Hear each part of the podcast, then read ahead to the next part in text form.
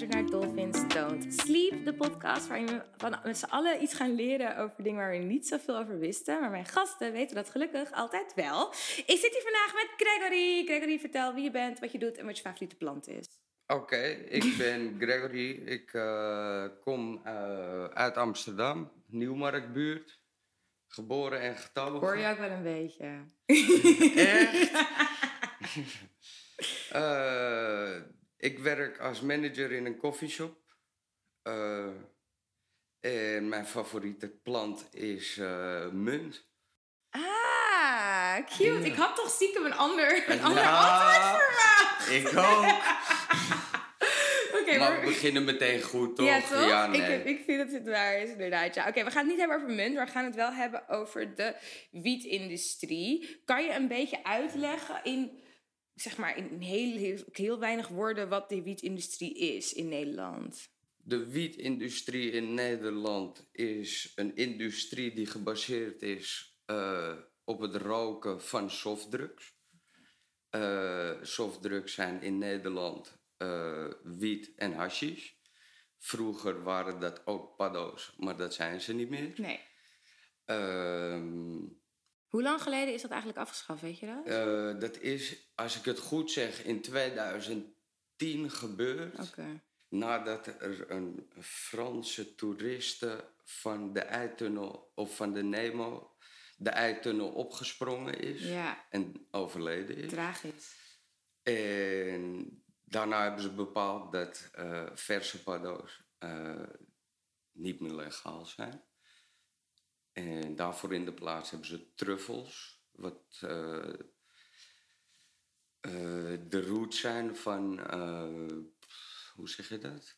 De rhizomen, de rhizomen van de paddenstoel. Wat is een rhizoom? Een rhizoom is net als gember, ah. dat eten wij. De gember, de, dat is het rhizoom van de gemberplant. Okay. Je hebt wortels die aan de rhizoom groeien. Ah, okay. En een plant die uit de rhizoom groeit. Oké. Okay. Maar wij eten van de gember, van de laos, de rhizomen. Oké. Okay. En dus ook tegenwoordig de rhizomen van paddenstoelen. Ah, oké. Okay. Maar wij hebben, jij hebt dus, denk ik, voornamelijk heb je te maken met wiet en hashish. Ik dat klopt. Is het echt hashish? Is het niet hash? Uh, dat, uh, je mag het noemen wat je wilt. Okay, er, is geen, hash. er is geen goede manier. Ja, okay. Jawel. Uh, hashish is de, is de Arabische manier van okay. zeggen. Het komt uit van nature, of sorry, ja, ook van nature, hebben we in Afghanistan, Libanon, Marokko, die hele, uh, ja, die vruchtbare halve maan, mm -hmm. die, uh,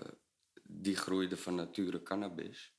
Daar uh, hebben de Assassijnen, wat een groep, een gilde was in het oude Egypte. Mm -hmm van huurmoordenaars. Oh, oké. Okay.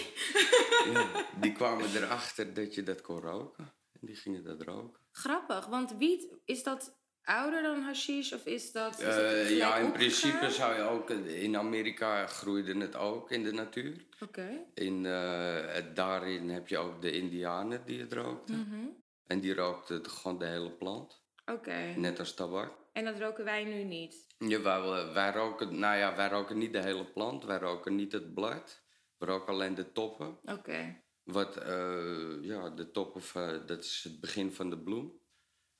Alleen omdat de, we gebruiken alleen de vrouwelijke plant om te roken. De mannelijke plant bevat geen THC. Wat zit er wel in de mannelijke plant aan? Uh, is hennep. Oké. Okay. Hennep, de simpele hennep wat we gebruiken voor de kledingindustrie. Wat Ja. we gebruikten voor de kledingindustrie. Dat wordt nu bijna niet meer gebruikt. Je, hebt ook Je kan er touw van maken. Ja. Je hebt er ja, hennepzaad is gewoon... eh, dat is hetzelfde als wietzaad. Oh, echt? Oh, Ja. oeps. Ja, ja, hennepzaadolie. ja, hennepzaadolie en wietsaadolie is precies precies hetzelfde. hetzelfde. Alleen een andere naam. Oké, grappig. Ja. Maar eh, wat is het verschil tussen wiet en hashish? Is misschien een hele stomme vraag, maar ik Nee, het natuurlijk, eh, we, we leggen het uit. Eh, wiet is, de, is dus de top van de plant, die, niet is, die, geen, ehm, die niet bestuift is met pollen. Mhm, Als hij bestuift wordt met pollen, dan gaat hij zaden aanmaken. Oké. En dan gaat hij zich reproduceren, of zij. Het is een zij, sorry. Ja. Eh, Dat is dus de niet ge, po- zonder pollen de plant. We roken de toppen van de plant dus. Ja? En ehm, de mannelijke plant die bevat geen THC en maakt geen toppen aan, alleen pollen. Oké. Dat verstuift hij naar de vrouwelijke plant. Yes. Eh, en hashish is die... ehm, je hebt op de toppen van die plant, van die vrouwelijke cannabisplant, eh, kristallen. Ja? Die kristallen, dat zijn THC-kristallen, tetrahydrocannabinol. Oké. Ehm, dat is de een van de actieve stoffen die in cannabis zit, die je stoned of high maakt. De sterkste, en de, of tenminste de meest bekende, de, waarvan we dingen weten. En die maakt je stoned of high. Die heeft alleen de vrouwelijke plant. Oké. En als je die kristallen van de plant afslaat, dat kan op verschillende manieren. Daar zijn, ja, dat zijn processen. Verschillende processen om dat te kunnen doen. Mhm. En als je die kristallen overhoudt en bij elkaar perst, hou je hashish over. Oké. Maar je kan dus van één plant kan je of wiet of hash maken. Dat zou, ja, je kan allebei. oh, je kan ook allebei. Je kan ook allebei doen, want er zit THC ook op de bladeren bijvoorbeeld, die je niet rookt. Ja? Eh, daar kan je, die kan je ook extraheren Oké. op verschillende manieren. En daar kan je dan weer hash van maken. En daar kan je hash van maken. Wat interessant. Ja. Heb je zelf wel eens een plantje gegroeid? Eh, ja, op Want je balkon. mag, ja, je, mag, je mag een paar planten hebben, toch? Per persoon. Eh, ja, je mag er in Nederland volgens het gedoogbeleid eh, vijf planten houden, buiten. Ja. Op een niet-professionele manier. Oké. En die niet-professionele manier is gedefinieerd dat je geen hulpmiddelen mag gebruiken. Of maximaal één of twee hulpmiddelen. Oké. En wat voor hulpmiddelen zijn er? Zijn dat lampen? Nee, lampen is al, dat is dan één hulpmiddel. Als je binnen wilt kweken bijvoorbeeld met een lamp, dan heb je het over één hulpmiddel. Mhm. Eh, als je er dan ook nog voeding bij gebruikt of een tent eromheen zet om ervoor te zorgen dat je de temperatuur kan regelen Mhm. of de luchtkwaliteit, dan wordt dat gezien als meerdere eh, hulpmiddelen. Oké. En dat mag niet. Je mag niet meer dan twee hulpmiddelen. Dus het is heel moeilijk om binnen, om legaal binnen te kweken. Oké, er zijn natuurlijk heel veel regels omtrent het gedoogbeleid. Kan je een beetje, ik, want ik weet nog, ik heb hier op de middelbare school eens over gelezen. En wat ik heb begrepen is dat het voor coffeeshops illegaal is om het in te kopen, maar legaal is om te verkopen. Dat klopt. Which makes no sense. Exact. maar hoe kan dat? Kan je misschien iets meer uitleggen over het gedoogbeleid en hoe het kan dat het nog steeds staat, ondanks dat het. Nee, het is simpel. Het, eh, het gedoogbeleid, eh, zoals het woord zegt, het doogt het gebruiken van wiet en hash. Maar het is nog steeds niet legaal. Het is nog steeds in principe 100% illegaal in Nederland. Ehm, en dat is waar ook de complicaties beginnen eigenlijk. Want eh, het gedoogbeleid komt, eh, de, de geschiedenis van het gedoogbeleid komt omdat we in Nederland een hele goede geschiedenis hebben met drugs. Ehm, we- in de, wat is het, in de 19e eeuw hebben wij opiumoorlogen gevochten met Engeland en China. Eh, om geld te verdienen. Ja, je hebt de Eerste en de Tweede Opiumoorlog. Dat zijn twee oorlogen die gevochten zijn in China. Oké. Door Engeland. Eh, voor de opium. Dat wist ik helemaal niet. Maar wat probeerden ze dan te winnen? Want iedereen kan toch zelf... Opium. Maar zij kunnen toch, ze konden toch zelf kweken als ze dat... Nee, opium is, eh, dat heeft een bepaalde eh, klimaat nodig. En dat klimaat is beter in China dan hier. hier. Ah. En, dat was, en we hebben het over in de 19e eeuw, wanneer mm, ja, er was nog geen globa- globalisering. Dus ja, dat is een het was veel een stuk moeilijker en ze vochten liever daarom wat opium van ze te stelen dan het zelf te proberen. Je hebt uiteindelijk gewonnen. Maar eh, uiteraard de Engelsen. Inderdaad. Maar, ehm, en daar, eh, daar vlo- vloeit het uit, want eh, de Nederlanders wouden het wel zelf proberen. En eh, toen hebben wij de Nederlandse heroïne en de Nederlandse cocaïnefabriek gestart. Dat was van de overheid. Wanneer was dit? Dit is eh, het einde van de 19e eeuw, Oh, hebben we het dan ongeveer over. Eh, in de Eerste Wereldoorlog, de Nederlandse cocaïnefabriek draaide overuren. Wij hebben het meeste cocaïne verkocht in de. Eerste Wereldoorlog eh, samen met de Engels. Wauw. Dus veel geld verdiend toen. Heel veel geld verdiend, exact. Er is toen heel veel geld verdiend. Ehm, de Nederlandse cocaïnefabriek is denk ik mm, in 1919, na de Eerste Wereldoorlog, waarschijnlijk veranderd in een opiumfabriek. Mhm. En dat is ook de dag dat de opiumwet uitkwam. Oké. Ehm, En ik ook heb weer met niet goed mijn huiswerk als... gedaan. Ja, dat, eh, dat is het gedoogbeleid in principe, de opiumwet. Ja. Eh, daar komen we zo op terug. Oké. Ehm, maar dat, eh, dat is toen veranderd in een opiumfabriek of in een morfinefabriek. Mhm. En toen gingen we morfine verkopen als Nederlandse staat. Dus wij hebben als overheid heel veel eh, geld verdiend in de, in de beginjaren van, Van de, de 19 20ste Ja, 20e eeuw. eeuw. Jeetje. En ook in de oorlogstijden natuurlijk. Ja, inderdaad. En daar vloeit ons gedoogbeleid vanuit de opiumwet. Dus ik heb mijn huiswerk niet goed gedaan. Ik weet niet precies wat de eerste opiumwet eh, bepaalde. Mm, ik denk wa- waarschijnlijk de illegaliteit van cocaïne. Mhm. Eh cocaïne, ze kwamen erachter dat het toch niet zo goed voor je was. Na al die soldaten te hebben gezien die de hele dag coke aan het snuiven waren. Oh mijn god, ja. En eh, toen hebben ze besloten dat morfine beter was. Maar dat verkopen we nog steeds. Ja, Dus is morfine beter? Weet je dat? Eh, wat is beter? Het eh, is allebei erg schadelijk. Eh, Ja. misbruik van alles is ja, erg ik schadelijk. zag, laatst, dat zag je laatst een Netflix-serie ook over... waarin iemand ook uitlegde van... het is niet per se de drugs die het probleem veroorzaakt. Het is de, de- zeg maar, waarin, wat voor situatie je de drugs Exact, gebruikt. tuurlijk. Je Dat kan de hele dag met elkaar lopen neuken. Het is Ja. ook ongezond. Ja, dat klopt Ja. inderdaad.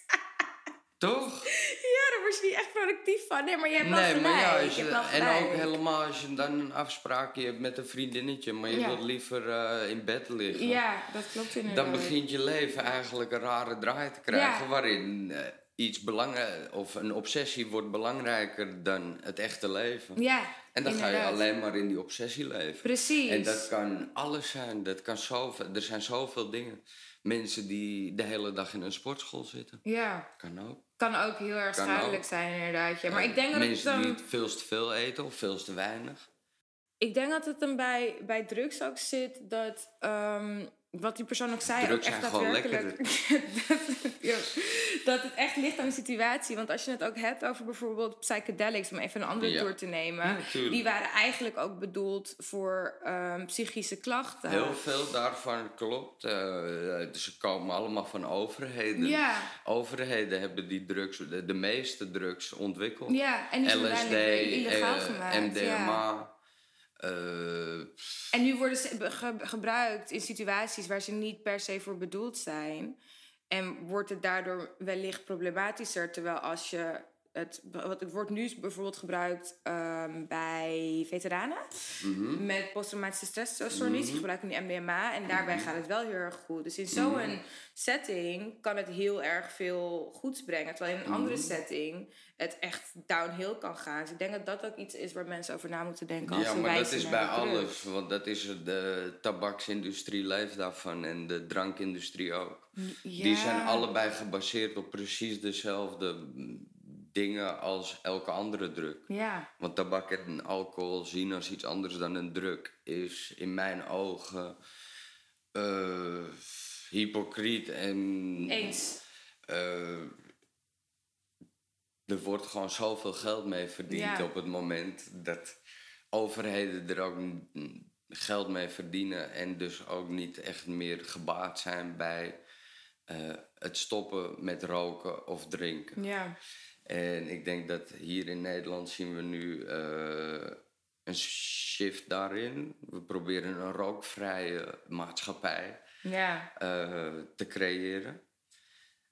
Dat is eigenlijk in principe nog hypocrieter, vind ik. want er wordt enorm veel geld mee verdiend. Ja, de accijns zijn echt... De accijns eh, zijn... ja, maar daar heb ik het niet eens per se over. Het gaat vooral de, de lobby van de tabaksindustrie is extreem interessant voor de EU, maar ook voor nationaal, eh, op nationaal niveau. Waarom? Omdat ze heel veel geld hebben en heel veel geld betalen om hun wil door te drukken.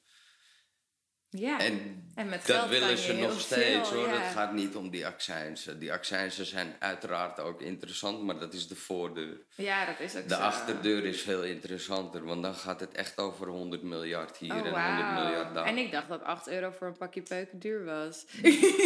Zo, ja. maar oké, even terug naar het gedoogbedrijf. Ja. Want weet jij wanneer eh, cannabis dan echt zijn entree maakte in Nederland? ja, dat zeker. Dat is, eh, de hash is in de jaren 70 begonnen. Mhm. Het was vooral hash, want wiet in Nederland werd nog niet gekweekt. Eh, omdat we geen natuur daarvoor hebben. Ja, En nog waar- steeds niet, toch? Nou, ja, nou, het begint steeds warmer te worden natuurlijk. Maar, Maar we Maar- hebben hele slimme manieren gevonden om dat te maar doen. we, we zijn uiteindelijk heel ver gekomen Ja. daarin. Maar eh, in de jaren zeventig is het begonnen eh, met het smokkelen van opium Mhm. vooral. Vanuit Afghanistan en Libanon, waar Want veel opium vandaan komt. Opium is een andere plant. Dat is eh, waar heroïne van wordt gemaakt en dat is papaverplant. Ja, oké, dank je Daar wordt, dat komt van de papaverplant. En daar komt een soort olierige melk uit. Mhm. En daar kan je opium en morfine van maken. Oké. Dat werd heel veel gekweekt in landen als Afghanistan en Ja. Libanon. Maar er waren ook hashboeren. En die maakten in plaats van opium hash. Mhm. In de jaren zeventig eh, kwamen er. hebben wij een influx aan Chinese Surinamers Mhm. Gehad. En Chinese Chinezen, Hongkong Chinezen Ja. vooral. En die kenden heroïne heel goed. dat eh, was een hele interessante druk in China. En ook in Suriname werd het graag gebruikt. Grappig, dat wist ik niet. En eh, dat kwam in Amsterdam terecht. Oh, wauw. En dat kwam via routes vanuit Afghanistan, Libanon, Turkije. We hebben natuurlijk ook eh gasten. hebben we- En toen kwamen de gastarbeiders uit Marokko. Ja, Ook in de jaren zeventig. natuurlijk in Marokko Iedereen is... kwam in de jaren ja. zeventig. En die waren veel meer van de pure hash, hash, Ja. hash. Die wisten ook dat in Libanon en in Afghanistan hash werd gemaakt. Ja, En toen kwamen er een paar eh, ondernemende Hollanders.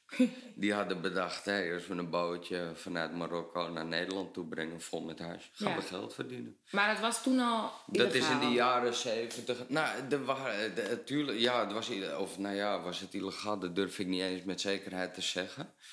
Maar eh, we kenden het sowieso nog niet. En Ja. het was nog niet problematisch. Ja. Drugs was, eh, ja, het was de jaren zeventig, Ja, was heel anders. Inderdaad. Dan eh, was drugs en vrijheid van drugs bijna overal het geval. Ja, in Iran zelf zaten ze de hele dag feesten vieren. En dat is nu ongelooflijk. ja, dat is nu totaal Dat is een heel ander beeld. En dus in de jaren zeventig begon dat. En dat moest verspreid worden. Mhm. In kleinere hoeveelheden voor de eindgebruiker. En mensen die een zaakje hadden in Amsterdam. Of het nou een eh eettentje was, een café of eh, eh, van mijn part een gokhal. Gokhallen ook. Die, alles erop en eraan. Als je een zaakje had, zette je iemand er neer met een tasje met wat hash erin. En Oh, die wauw. ging stukjes hash verkopen. Grappig. In de jaren tachtig begon dit uit de hand te lopen. En eh, criminaliteit werd steeds heftiger. Oké. En die tentjes waren van eetentjes veel meer naar drugshollen Ja. veranderd. Mensen zaten daar te gebruiken wat ze wouden. Hmm. Eh, heroïne was dus zeer populair. Ja. Dus dat was ook... Ja, nee, er waren nog geen regels over. Maar- Dus iedereen gebruikte maar wat. Denk jij dan dat hash zo'n slechte naam heeft gekregen omdat het in dezelfde opkomst terecht kwam als heroïne? Want op zich, de mensen die Nee. gebruiken zijn. Ik denk dat de reden dat hash nu een slechte naam heeft... een hele andere is, een veel politiekere. Want hash heeft nooit een slechte naam gehad. niet. In de jaren 70, jaren 80, jaren 90... eh, werd het juist gezien als een goed alternatief mm, van de Oh, bruin. Want oké, de heroïne is eh, een Schadelijker, stuk ja. schadelijker. En dat zagen mensen meteen. Dus je zou, ik denk nee. eh, en we waren er heel open over in Nederland. Vooral in Amsterdam natuurlijk. Maar in Nederland was gebruik niet het raarste ooit. En in we zijn in Nederland een van de enige landen die ehm, verslaving als ziekte zien. Ja. Eh, de zorgverzekering tot een paar jaar terug vergoedde zo goed als alles als je naar een verslavingskliniek Ja. toe ging.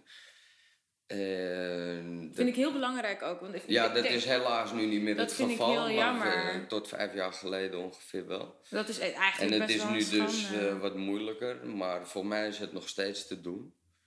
Ehm, maar we zien dat nog steeds als ziekte, als Ja. chronische ziekte. En dat is een van de enige landen, dus we zijn daar heel eh, ver mee gekomen. Met die vrijheid van drugsgebruik. Ja. Alleen het, het daalt nu weer, wel weer. Want mm, dan komen we terug op het verhaal dat in de jaren 80 en jaren 90 criminaliteit gewoon veel groter werd. Eh, Willem Holleder, Klaas Ja. Bruinsma, eh, de Klepper, eh Kinkerbuurtbende. Ja, er zoveel. Eh kort van, ik kan het wel, er zijn er honderden die in de jaren 80 groot zijn geworden Ja. criminelen. Ehm, en dat waren, dat waren criminelen. En diezelfde criminelen hadden dus ook een etenszaak... waar ze bijvoorbeeld drugs konden verkopen... of een cafeetje waar softdrugs werd verkocht. En dat vond de gemeente in de jaren tachtig een beetje te ver gaan. En heeft toen besloten om coffeeshops te introduceren. De eerste is in 78, als ik het goed zeg. De Mellow Yellow. Bestaat die nog? Nee, die is dichtgegooid. Ah, dat wordt nog eh, een grappig verhaal. dat is daarna nog dichtgegooid, ja. Ik denk dat daarna de Bulldog was of de Bluebird. Die zijn ook in eh, begin jaren, eh, eind jaren 70, begin jaren 80 hebben die hun eerste vergunning gehad om als koffieshop te fungeren. Dat is dus de eerste koffieshops. Dat waren cafeetjes waar gewoon bier werd geschonken. Waar iemand met een tasje zat en die aan het hasje verkopen was en wiet. Ehm, en daarna gaf de gemeente voor het eerst vergunningen. Maar de mensen die die eigenaren waren, waren gewoon boeven natuurlijk. Want Ja. die waren al aan het drugsdealen. Ja. Dus die waren er ook niet vies van om andere eh, criminele activiteiten, misschien ook wel echt erge criminele Ja. activiteiten. Ja, vele van de mensen die ik net opnoemde zijn bekend geworden met hun veel heftigere criminaliteit. Absoluut. Ontvoeringen, moorden, wat dan ook. Afpersingen. Die mensen kregen die vergunning voor de coffeeshops. Oh, Diezelfde mensen, want zij waren degene die, Die- dat in handen hadden. Eh, dat is tot de jaren negentig zo doorgegaan. Hebben we eh, mensen, eh, eigenaren van of ondernemers van zaakjes de keuze gegeven: wil je de ene kant, de alcohol, of wil je wiet gaan verkopen, of ja, eh, legaal? Ja. En dat hebben ze bij heel veel mensen gedaan en ook bij heel veel foute mensen dus. Ja. Eh, of wat je fout wilt noemen natuurlijk, maar eh, er zaten mensen tussen die misschien niet de beste keuze waren als ondernemer. Ja. Die mensen hebben allemaal eh, vergunningen gekregen in de jaren 80 en 90, zijn daarna gegroeid door eh, het Nederlandse drugsgebruik, maar voornamelijk door drugstoerisme. Oh ja, Amsterdam werd natuurlijk. de, de grote, ja, dat was sinds de jaren 70 vrijheid. Ja. alles wat je wou en eh, kon. En dat is in de jaren negentig weer een beetje begonnen met afbreken. Oké. Qua- Er was heel veel drugsoverlast in de jaren 90 en de jaren 80, eind jaren 80, begin jaren 90, in deze buurt vooral. Eh, Wat voor overlast praat je dan over? Dat het. Drugsoverlast, dus mensen die, eh, en dan hebben we het vooral over heroïne, Ja, eh, die aan het spuiten waren op straat. Eh, die probeerden dingen te stelen, wat dan ook, want de, de geld eh, moest ook verdiend worden. Tuurlijk. En dat, eh, dat gebeurde voornamelijk op de Zeedijk. Ja. Dat is Chinatown. En dat, daar kwam alle heroïne naar binnen. Ja, En natuurlijk. dat gebruikte iedereen. De Zeedijk in de jaren negentig was onveilig. Ja, Het natuurlijk. was geen veilige buurt. Dat is de laatste twintig jaar heel anders geworden. En eh, met name drugstoerisme is daardoor omhoog gegaan toen wij de problematiek van heroïne hebben aangepakt in de jaren negentig. Mhm. Eh, door verspreiding, door inlichting en door de. eh, we hebben. Toen ik jong was, toen hebben we het over een jaar of vier, vijf. Ja. Nee, dat is wel wat ouder. Maar een jaar of zes, zeven. Mijn vader die werkte in het harddrugsteam van het Street Corner Hoor. Oh, En Cool. eh, die hadden een gebruikersruimte hier vlakbij de Nieuwmarkt. een gebruikersruimte. Ja, en daar kon je gewoon spuiten en doen.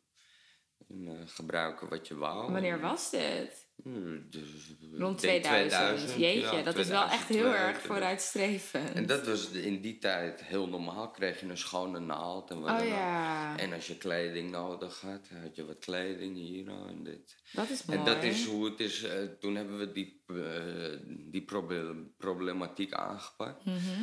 Toen werd heroïne ook een stuk minder populair onder gebruiker. Oké. Die gingen crack cocaïne roken veel meer. Wat een hele andere soort verslaafde veroorzaakte. Veel drukkere, veel gevaarlijker. Eh, maar daar waren er veel minder van. Want heroïne was gewoon... Het was een zeer wijd gebruikt iets Mhm. in Amsterdam. Dat is nu totaal niet meer het Nee. geval. Bijna niemand gebruikt meer heroïne. Nee. En dat heeft er dus ook voor gezorgd dat er meer toerisme kwam. Want nu heb je opeens dat de Zeedijk wel veilig Oh ja, is. natuurlijk. Oké, En makes sense. eh, het eh, Red Light District, daar kan je nu tegenwoordig met je kind rondlopen. Ja, inderdaad. Ongelooflijk, maar dat kan Het kan tegenwoordig. wel, ja, inderdaad. Mocht je dat nou, willen. had je dat 30 jaar geleden geprobeerd, dan liep jij met je kind in je naki. Ja. Want er was sowieso wel een junk die een mes trok. Oh jeetje. En dat, was, dat, dat is er niet meer. Nee. En dan heb je opeens ook een heel ander soort toerisme. En veel massaler. Want onze hele binnenstad is schoon tegenwoordig. Ja, en veilig. Dat was vroeger niet zo. Eh, dat is ook, ik denk dat dat een van de grootste redenen is dat wij nu aan massatoerisme zijn. Mhm. Het is zo veilig geworden om in de binnenstad van Amsterdam te lopen, Ja. vergeleken met 30 jaar geleden. Terwijl onze naam nog steeds bestaat. Stad van de vrijheid. Ja, je kan hier doen en laten wat je wilt. Wat niet zo is. Ja, maar dat wordt wel dat zo. wordt nog steeds zo, vooral door buitenlanders Ja. gezien. Klopt inderdaad, ja. Ik vind het ook wel grappig als ik naar het buitenland ga en ik zeg dat ik uit Amsterdam kom, dan krijg je altijd van, oh ja, ik kan alles. Iemand vergeleek het ooit met dat land waar Pinocchio heen gaat. Dat Ja. dat lui lekker land of Land, zo. ja. En, ik, en ik denk echt van, het, het valt echt allemaal wel mee, jongens. Maar Ja, maar dat is heel erg veranderd ook. Hè? Ik denk dat we twintig jaar geleden de vrijheid hier veel groter was dan nu. ja. Ik denk voor iedereen. Ik denk dat iedereen zich prettiger voelde twintig jaar geleden dan nu in deze stad. Denk je dat? Oh, Ondanks de criminaliteit van toen de tijd? Ik denk het zeker, ja. Ik denk dat de mensen die hier in de buurt geboren zijn... eh, het een stuk prettiger vonden vroeger dan nu. Want massatoerisme levert veel meer gezeik op. Ja, dat is waar. En ja. eh, ik als coffeeshop manager klink dan heel hypocriet, want wij verdienen geld aan deze mensen. Absoluut. En ehm, ik heb het nooit zo erg gevonden ook. Maar ik weet dat er heel veel mensen het heel erg vinden. Vooral drugstoerisme. Ja. Mensen die eh, kotsend over je straten heen Oh, lopen. ja, in je portiek kotsen, wat dan ook. Al die dingen. Ja, je stad vervuilen en dan maar weer naar huis gaan. En ja, Ja. daar heb je wel een Maar dat, is dus, maar dat is dus het paradox eigenlijk. Want ik probeer de hele tijd te vertellen dat er, we hebben minder drugsgebruik gecreëerd. Mhm. Waardoor er een andere drug prominenter werd. Wiet in dit geval. Ja. Want in begin 2000 kwamen er steeds meer toeristen om wiet te roken. En dat is nu uitgegroeid dat heleboel coffeeshops, 90% van de klandizie is toerist. Ja. En dat vinden mensen die twee, drie jaar geleden een huis hebben gekocht naast een coffeeshop voor vier keer zoveel als dat twintig jaar geleden was. Als Maar ja- goed, die keuze maak je ton- wel zelf. Ik vind dat wel maar iets ja, dat, is iets- iemand- eh, dat dacht ik ook. Alleen als jij nu ziet wa- wat... het Ik weet niet of je weet wat project 1012 is. Nee. Dat is de vernieuwing van de wallen die sinds 2012 is begonnen. Mhm. Eh, toen waren ze minder ramen. Mhm. Ehm, dus minder prostitutie op de wallen. Hebben ze, eh, heeft de gemeente heel veel panden overgekocht Mhm. van eh, een eigenaar van al die panden. Dus één eigenaar. Ja, die is extreem rijk geworden Ja. daarmee. En dat was ook een bekende van andere kringen, Ja, uiteraard. Natuurlijk. En, en die is multimiljonair geworden door de gemeente in dat eh, toen. Ja. Ik weet niet of het 2012 of 2008. En de. ehm, En dat heeft ervoor gezorgd dat er nog meer toerisme kon komen, natuurlijk. Omdat Ja. Maar dat heeft er dus ook voor gezorgd dat die huizen verkocht werden aan mensen, aan die daar... die veel rij- eh, die die, veel rijden. Ja, want het was e- enorm duur en Maar- het zorgde voor meer toerisme en meer veiligheid. Want er waren minder ramen, dus Ja. minder gespuis in principe. Tuurlijk. Maar ik vind wel, als jij een huis koopt op de Wallen, Ja. dan weet jij donders goed als je een huis koopt op de Wallen. Of dat nou 8 ton heeft gekost of niet. Je, je, je weet waar je. waarmee Ja, je maar de waarde zee van huizen in Amsterdam is zo belachelijk Ja. eh, gestegen Ja. die laatste twintig jaar. Het heeft allemaal te maken met die laatste twintig jaar. Dat we net hier een beetje... Dat ze de eh, stad schoongemaakt hebben. We hebben de stad goed schoongemaakt, maar eigenlijk bijna te goed. Je kan niet een vrije stad hebben en een schone stad. Ja. Dat bestaat niet. Ha. En dat is het probleem. En dat is ook waar. Ja, daar, eh, er zijn heel veel dingen gebeurd in Amsterdam die heel vals zijn geweest. En- Zoals? Nou ja, ik denk dat de, de mensen die eh, in de jaren tachtig huizen hebben gekraakt en nu eigenaar van die huizen zijn, hier in de buurt, we zitten hier op het Waterloopplein Ja. in de buurt, dat zijn miljonairs geworden Ja. door uiteindelijk huizen te stelen. Oké, dit is. we gaan heel even naar de break. We gaan zo dadelijk verder. Hulp nodig met social media? The Wave Social heeft met templates, Facebook en Instagram ads, influencer campagnes en full social media management oplossingen voor al jouw uitdagingen. Ga naar www.thewavesocial.nl en vermeld de code DOLFINS voor 15% korting op je eerste aankoop. Dat is E T-H-E-W-A-V-E social.nl, kortingscode DOLFINS. Oké, we zijn terug. Ik ben namelijk heel erg benieuwd, want ehm, in 2000 is dan het toerisme meer opgekomen. Het werd scholer. Ja, laten we dat het keerpunt, laten we tussen 2000 en 2010 is Ja. het keerpunt. Ik weet niet meer precies wanneer de I Amsterdam letters zijn gekomen. maar dat, is, eh, dat was een beleid van de Partij van de Arbeid Mhm. in die tijd.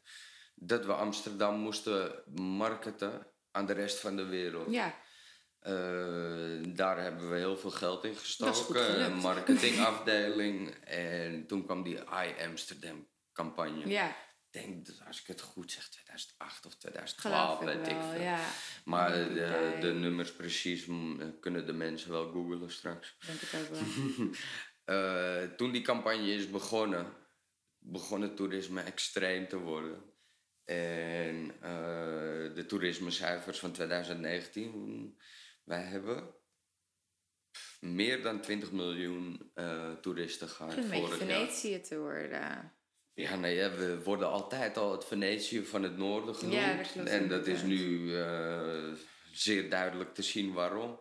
Ja, maar als je het dan hebt over het eh, beleid, want Ja. wat ik heel erg Dat zijn inderdaad flink. Ja, nee, maar dat is helemaal niet erg. Het is allemaal heel erg interessant. Maar wat ik vooral interessant vind aan het beleid in eh, Nederland... is dat er dus ook een afsterfbeleid is nu met de coffeeshop. Exact. Wat er nu aan de hand is, is. ehm, we, we draaien eigenlijk de regels van vroeger weer terug. Mhm. We worden steeds strenger, juist. In plaats van dat we opener worden over drugs, beginnen Waarom we nu denk weer. je dat dat is? Ehm, ik denk dat in het geval van legalisering van drugs, Mhm. maakt niet uit welke, eh, in Nederland, dat de overheid zich daar graag in wilt mengen. Ja, Eh, dat zij het beleid voeren en niet eh, bedrijven bijvoorbeeld. ja. Eh, en dan is het het beste om alles eerst in te perken. En daarna één of twee mensen over te houden. Maar dat is wel zonde en lullig, denk ik. Want je hebt een beetje hetzelfde in Amerika nu. Naar alle mensen die Ja. er zo lang hun levenswerk van hebben gemaakt. Ja, nou, in Amerika is het nu is het een, een- net een ander systeem. Daar is het kapitalisme ehm, ongezond. Ja, Eh, het klopt niet, eh, het kapitalisme in Amerika. En dat is het probleem. Er zijn vijf jaar geleden, toen het legaal werd, eh, waren er allemaal kleine boertjes, wat Ja. dan ook in Colorado, in Californië. En toen hebben ze geen vergunningen meer gegeven Ja. aan nieuwe boeren. En toen ehm, dus niet de vrije hand gelaten uiteindelijk. En toen zijn die vergunningen extreem veel waard geworden. Een kleine boer die dit als passie heeft gedaan, denkt, nou, ik kan 10 miljoen krijgen voor mijn kleine doe boerderij. het wel, ja. Tuurlijk. Ik kan de rest van mijn leven ergens gaan Denk je zitten dat het en in iets anders Nederland doen. ook gaat gebeuren? Eh, het is al aan het gebeuren. Dat is precies eh, waar we op uitkomen. Is dat eh, sinds 1 juli 2020 Mhm. de, is de wietproef eh, Ja. begonnen. Ja, dat De, dat is het telen of de productielijn van een koffieshop volledig in eigen hand. Mhm. Ehm, dus zelf wiet en hash gaan maken. Als koffieshop zijnde. Of als productiebedrijf zijnde. Ja. Ik heb dat formule of die formulieren eh, gelezen en bekeken.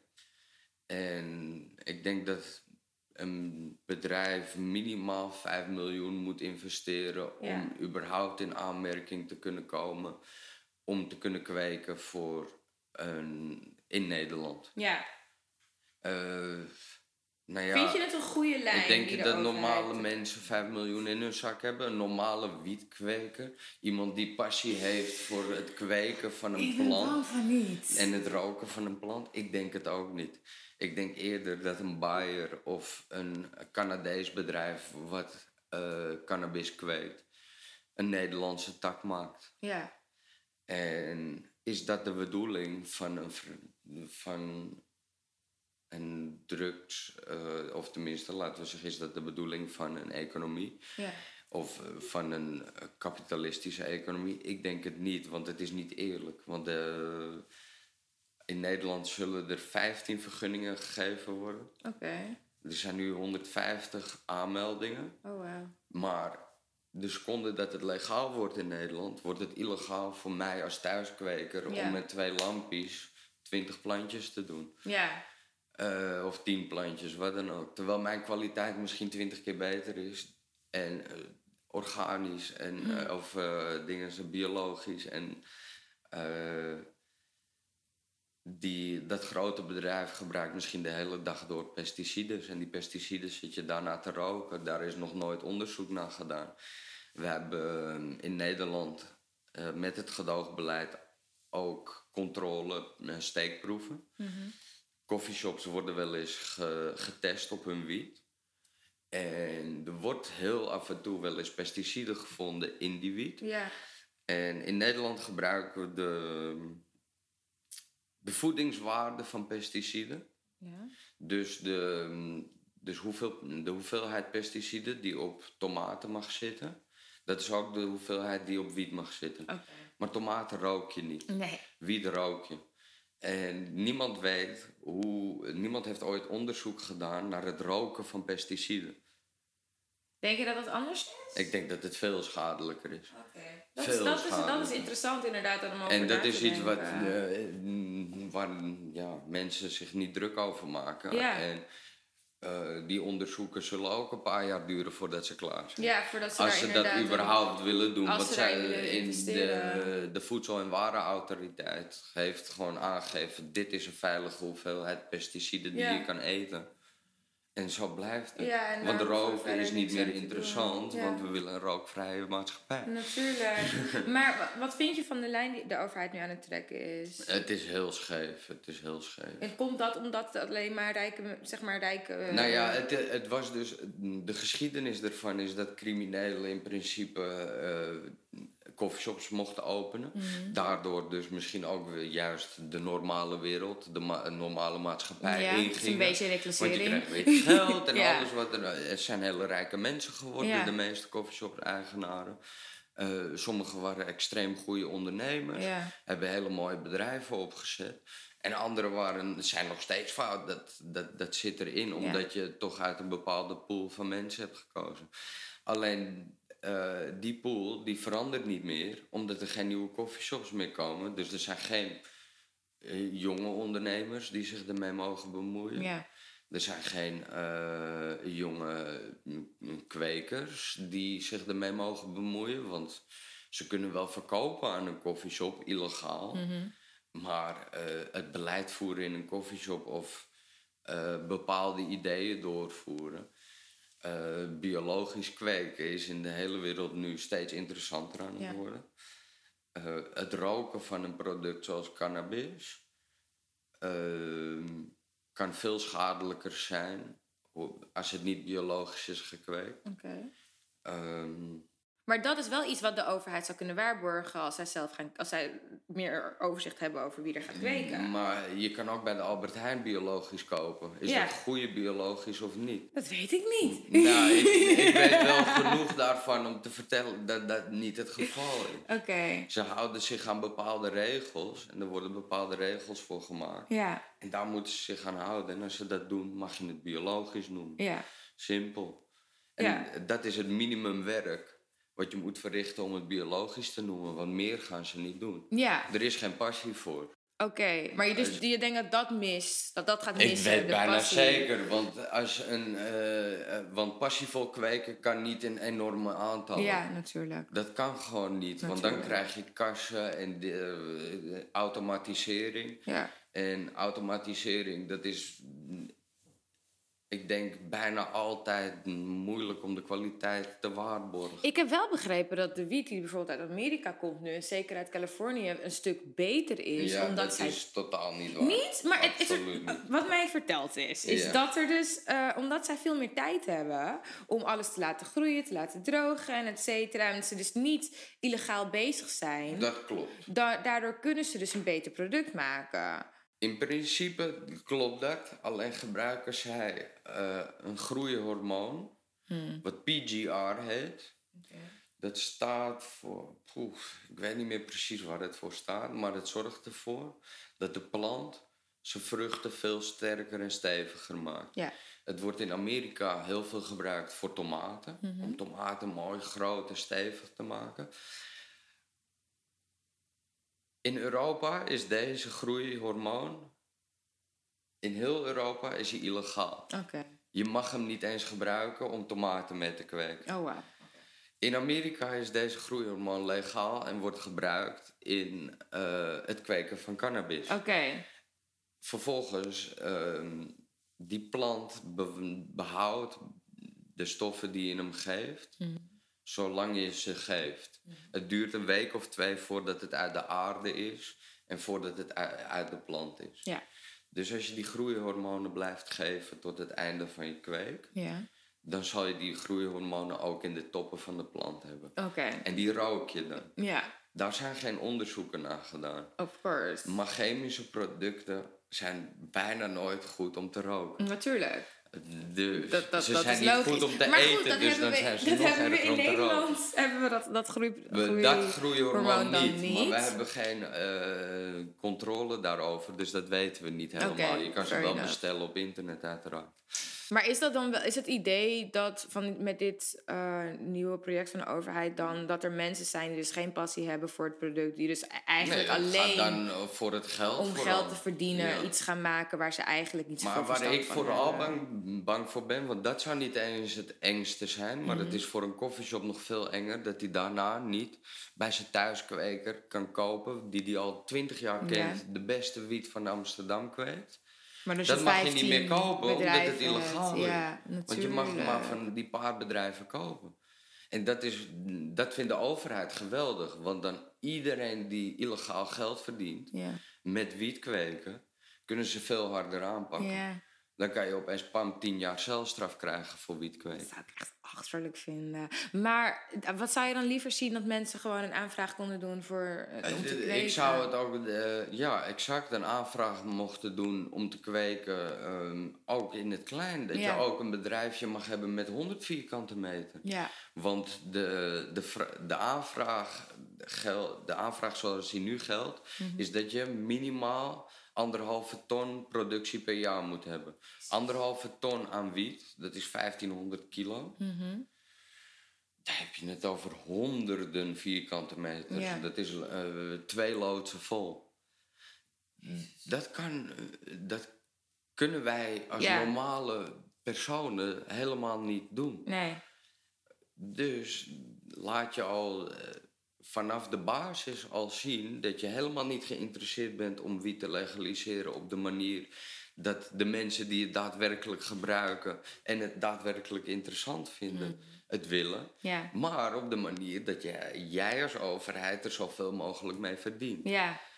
Ja, dat is wel stom. Maar denk je dat dat echt het, het enige is? Want op zich zou de overheid ook kunnen verdienen aan een thuiskweker. Uiteraard, als ze gewoon BTW zouden vragen, Ja, simpelweg eh, BTW. Maar dan is de controle er niet meer. En dat is de, of tenminste, de controle wordt dan een stuk moeilijker. Maar wat is zo noodzakelijk aan de controle over wiet? Want het is niet alsof wiet een, of cannabis een dodelijke drugs is. Eh, dat klopt. Er zijn volgens mij in de wereld één of twee gevallen waarvan bewezen kan worden dat er medeoorzaak is geweest. Oké, heftig. Eh, maar nooit de, de, de oorzaak van een dode. Ja, als je dat vergelijkt met alcohol, tabak. Echter, mijn punt van net dat mensen pesticides gebruiken, Ja. voedingsproducten die extreem sterk zijn, die niet bedoeld zijn voor het telen van cannabis, Mhm. of eh, voor het telen van cannabis op een manier die zoveel mogelijk productie oplevert, Mhm. maar dat de kwaliteit niet per se veel beter is. Maar ik moet eerlijk zeggen, als ik kijk naar Veel de horecazaakjes op de wallen... waar de ratten en de muizen en de kakkerlakken binnenlopen... Ja, dat kan ja. ook niet goed voor je zijn. Nee. Dus ik denk dan, dat vind ik dan redelijk hypocriet van de overheid... om te zeggen van, oh, daar hebben we geen ruimte voor om dat te checken bij de thuiskwekers.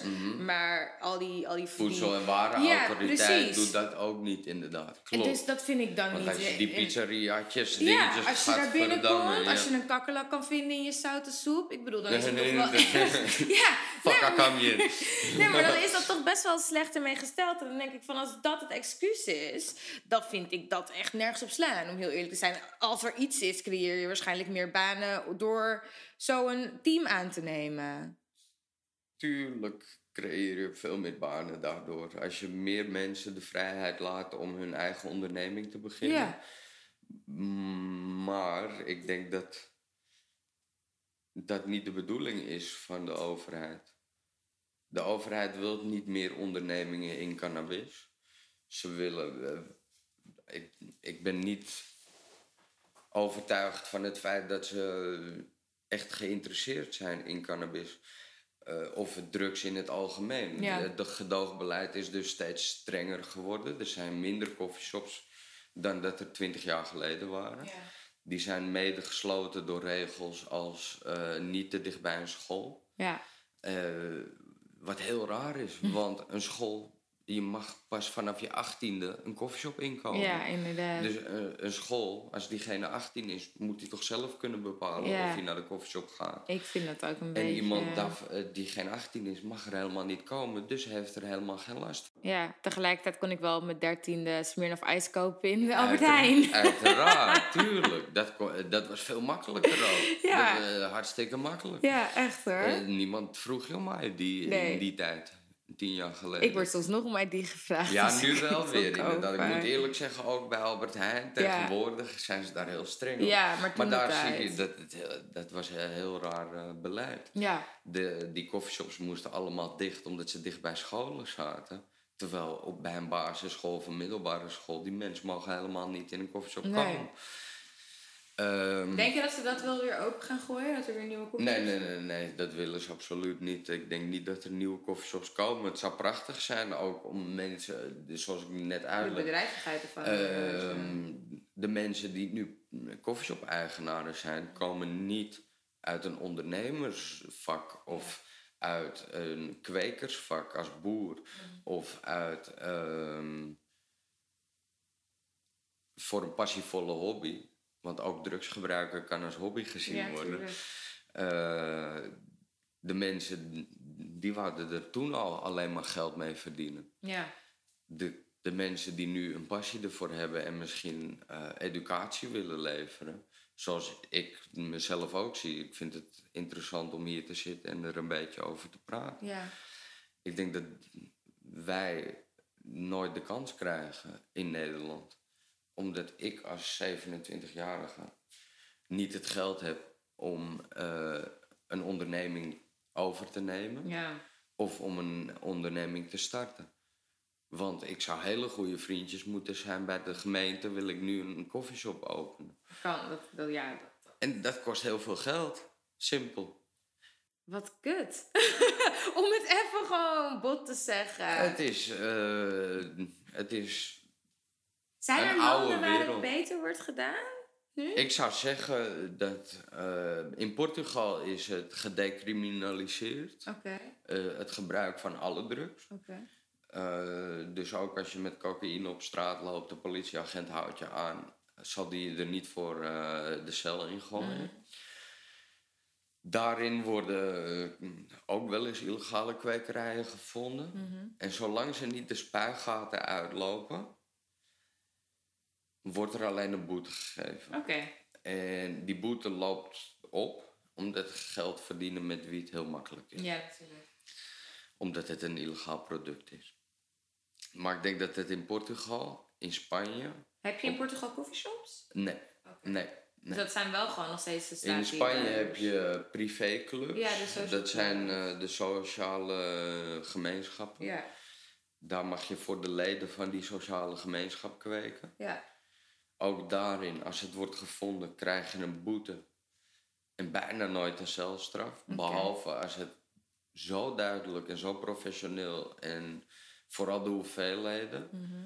Eh, dan, we, dus ze hebben in Spanje de hoeveelheid 10 lampen. Oké. 10 lampen, 10 kilo ongeveer. Mag je in Mag je, je zaak hebben? ongeveer, mag je, niet in je zaak, maar mag je ongeveer produceren. Oké. Ik Tot dat- die, tot die grens hebben ze ongeveer, maar dat ligt echt aan je advocaat, ligt aan eh, de provincie waar je in zit ook. Tot die hoeveelheid ongeveer krijg je een boete. Daarna eh, ziet de Spaanse politie het als echt professioneel kweken, puur en alleen voor het geld. Mhm. Dan kan je een celstraf van een paar jaar tot een paar jaar krijgen. Dat is dus eh, wat strenger in dat opzicht. In Nederland zou je voor die hoeveelheid geen eh, celstraf krijgen Ja. of een kortere. Echter in Nederland word je, als je wordt gepakt met kweken, heb je meestal een belastingtechnisch probleem. Oh. De politie in Nederland controleert eh, op verschillende manieren hoe lang jij eh, je kweekruimte hebt aangehouden. En maken daarvan een, eh, een bedrag wat meestal overeenkomt met wat je hebt verdiend. Mhm. En daar moet je belasting over betalen. Hoe dan ook. Oké, maar dan krijg je dus, dat, is, dat is dan je geldboete. Dat is meestal de geldboete en die, die loopt, eh, die kan extreem oplopen. Er zijn mensen die de rest van hun leven niet meer eh, normaal kunnen leven, zeg maar. Omdat ja, als je eh, als de Fiat je huis afneemt en alles, dat gebeurt bijna nooit. Maar als het gebeurt, ben je alles kwijt. En dan kan je dus in principe, dan heb je een paar ton schuld. Ja. Heb je niet meer zoveel zin, denk ik ook. Om opnieuw te Om beginnen. te opnieuw beginnen. Ja, dat snap ik ook En de enige inderdaad, manier hoe je zo, zoveel geld weer gaat verdienen is door hetzelfde te doen. Ja, dat Of is nog erger. Ja, maar oké, dus in, in Portugal is het redelijk. Dan zou ik zeggen dat het redelijk is. maar Er ze zijn- hebben nog geen shops. Nee, dus het is, maar het, het is in Amerika op het moment volgens qua wetten het beste. Maar wat ik wel in In Amerika. Canada en in Amerika. Ja, want wat ik wel in Amerika heb gezien is wel dus dat de kleine boeren er niet meer tussen Nee, passen. die kunnen En dat er is- inderdaad, dat is, eh, dat is ook een... eh, Het zijn de grote corporaties. En dan heb je ook nog eens mensen in Amerika die, die jaren celstraf hebben gekregen voor een aantal gram. En waardoor. En die nog steeds vast die nog steeds vastzitten en waarschijnlijk nog hun hele leven vast zullen Kijk, Amerika zitten. is eigenlijk, dat zeg ik verkeerd, want eh, het is vooral Canada. Canada heeft het nationaal gelegaliseerd, in Amerika niet. Ja, de dat Verenigde Staten hebben in de Verenigde Staten hebben er een stuk of tien staten ehm, het volledig gelegaliseerd. Ja, En andere, elke staat heeft andere regels. ja, Dus er zijn een paar staten waarin het nog extreem streng is ja, dat snap ik. met het gedopen. Ja, het, het ding is dat ik zeg maar van Amerika, van wat ik ervan heb gezien, is dat ik eh, het gevoel heb dat het misschien goed geregeld is, maar het is vooral goed geregeld voor het kapitalisme. Ja, exact. En dat is dus hier exact hetzelfde. Alleen we doen hier alsof het niet zo is. dat is nog de grootste grap. Dat is hier precies hetzelfde. Alleen hier willen we nog doen alsof het niet zo is. Denk je dat het Ik goed dacht- komt? Hè? Denk je dat het goed komt uiteindelijk? Nee, nee, nee. Ik zit al. Ik, ik lag me rot. Ik zat. eh, ik had. mm, Van de week zat ik erover na te denken dat eh, MDMA is steeds populairder aan het worden als druk. En eh, in Nederland was die discussie een paar jaar geleden, ik denk 2018, of eh, MDMA niet gelegaliseerd moest worden. dat weet ik nog. Nou ja, dat, daar hoor je nu niks meer over, omdat het nu door grote bedrijven wordt besproken. Ja. En dan hoor je volgend jaar weer, laten we MDMA legaliseren. En over twee jaar koop je gewoon van Bayer of van eh, Pfizer je, je pilletje MDMA, denk ik. Denk je dat? Als het wordt gelegaliseerd, weet ik het zeker eigenlijk. Heb je dan ook smart shops waar je MDMA kan kopen, denk ik? Ik denk het wel, maar ik denk dat ze de smart shops zijn ze ook klaar mee in, Oh. de, in de stad. Dus ik denk dat het dan eh, misschien zelfs de apotheek wordt. Nee! Het zou heel grappig worden natuurlijk als we normale apotheken hebben waar je MDMA kan kopen. En dat is iets waar we als Nederlander best trots op zouden kunnen worden. Ja, En dat, is, dat, is de, dat zou de mooie manier zijn. Alleen het probleem is dat MDMA is een chemische stof. Waar chemici mee te maken hebben. Ehm, en dat is bij wiet helemaal niet het geval. Het is een plant. nee, Jouw oma kan de beste wietkweker zijn die je kent. absoluut. Ja, dat Niet kan het- gewoon niet- echt zo Helaas is mijn oma er niet meer, maar Ja. dat zou ik wel heel cool vinden als Dat- ze dat ja. was.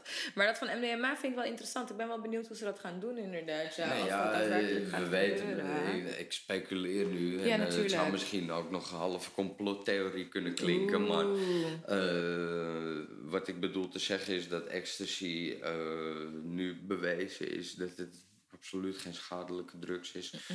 Lichamelijk gezien. Ja, Eh, over alle drugs denk ik dat er psychologische effecten zijn ja, die zeer schadelijk zijn. 100. elke drugs. Dus ook niet verslavende drugs. Waarvan we eh, zeggen dat ze niet verslavend zijn. Ja, De enige drugs die we in Nederland niet verslavend noemen, zijn die niet lichamelijk verslavend zijn. Dus dat je lichaam er daadwerkelijk om gaat vragen. ja. Voor, welke drugs geldt dat? Alcohol, cocaïne, heroïne, crystal meth, de, de, er- meestal de sterkste drugs. Ja, dat is allemaal. Waarvan alcohol ook eentje is. Je moet niet vergeten dat als jij tien jaar lang elke dag alcohol drinkt, als je het een dag niet doet, dat je echt ziek wordt. Oh jeetje. Je lichaam gaat erom vragen. En dat, i- dat geldt voor al die drugs. En die drugs worden gezien als verslavend in Nederland. In Nederland noemen we eh, wiet of eh, ecstasy een niet verslavende drug, Oké. omdat het geen lichamelijke verslaving veroorzaakt. Maar wel. Echter de psychologische of mentale verslaving. Daar kwamen we eerder in deze podcast kwamen we daar al op. Bijna alles in wat leuk is en lekker Ja. is een druk. Ja, En daar moet je mee leren omgaan. ja. En drugsverslaafden hebben vaak eh, op een jonge leeftijd heel slecht ermee omgegaan, zijn er heel slecht mee omgegaan. En dat kan je nooit meer terugdraaien. Ja. Dat is gewoon zo. It is what it is, man. Dat is wat het is. Ik ben heel erg benieuwd hoe het gaat lopen met het, met het cannabisbeleid, zeker in Nederland. Ik ben heel benieuwd wat ze gaan doen uiteindelijk. Ik hoop dat mensen zoals jij, of gewoon de normale man, er, er nog wat profijt uit kan halen. Ik zou het anders wel heel zonde en heel oneerlijk vinden. Maar ja, Ja, nee, ja de, de- wereld is oneerlijk. Ja, hè? Hey, Laten we niet, eh, ja. De wereld Ja. is helaas niet eerlijk. Maar eh, ik hoop vooral dat er, eh, dat er wat meer vrijheid komt ook voor... Nou ja, dat is dat de kleine man ook nog zich ermee mag bemoeien. Ja, Want vooral die mensen, de mensen die het voor hun passie doen, iedereen die iets voor zijn passie doet, als je nou klerenmaker bent of eh, ja, wat eh, boer, van de, een tomatenboer die de hele dag eh, de mooiste tomaten maakt.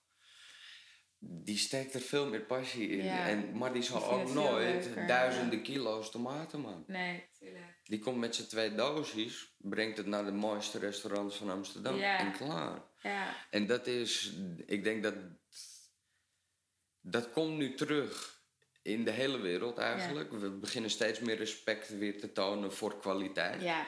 over kwantiteit. voor craftsmanship. En, Eh, ja. eh, exact, voor mensen die eh echte kwaliteit waarderen en ook proberen bijvoorbeeld dingen te repareren. Mhm.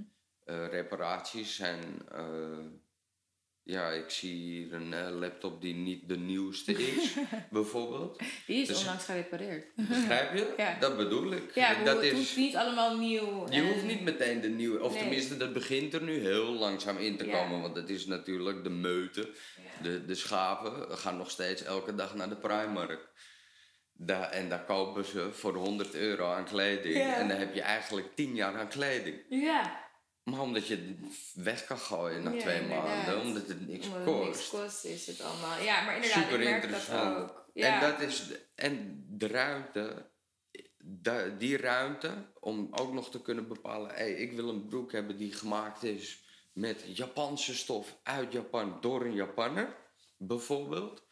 Of eh, ik wil een auto die niet vol zit met elektronica, maar gewoon degelijk is gebouwd. Daar komt weer vraag naar. ja. Ik wil weer En een daar auto is waar misschien 50 toch jaar- nog ruimte voor Maar niet als je naar de overheid de luistert. kleine man. Maar daar, als je naar de overheid luistert, is dat een heel ander geval. Ja, Denk, ja. ja. we gaan het meemaken. Toch? Heb jij nog iets wat jij met mijn gasten wilt delen? Waar kun, als, ze, als ze vragen hebben, kunnen ze dan je dan nog ergens vinden? Of... Eh, ze kunnen me altijd vinden in de Nieuwmarktbuurt. je hoort het meteen of ik het ben. Eh, de exacte locaties eh, ja, is onbekend. ik is onbekend. ik drink graag een biertje in Café de Zon of het Loosje. Kijk, fantastisch. ik wil je heel erg bedanken voor al deze kennis. Ik heb heel veel geleerd. Ik hoop het, eh, Ja, Jamie. Ik hoop ook, eh, misschien komen, hoor je mijn stem nog een keer. Ja, inderdaad, kunnen we over iets anders praten. Vast wel. Lijkt me heb- hartstikke leuk. Oké, super, thank you. Als je dit leuk vond, maak een screenshot, deel het op Instagram, Facebook, Twitter, Pinterest, whatever you want. En tot volgende week. Bye!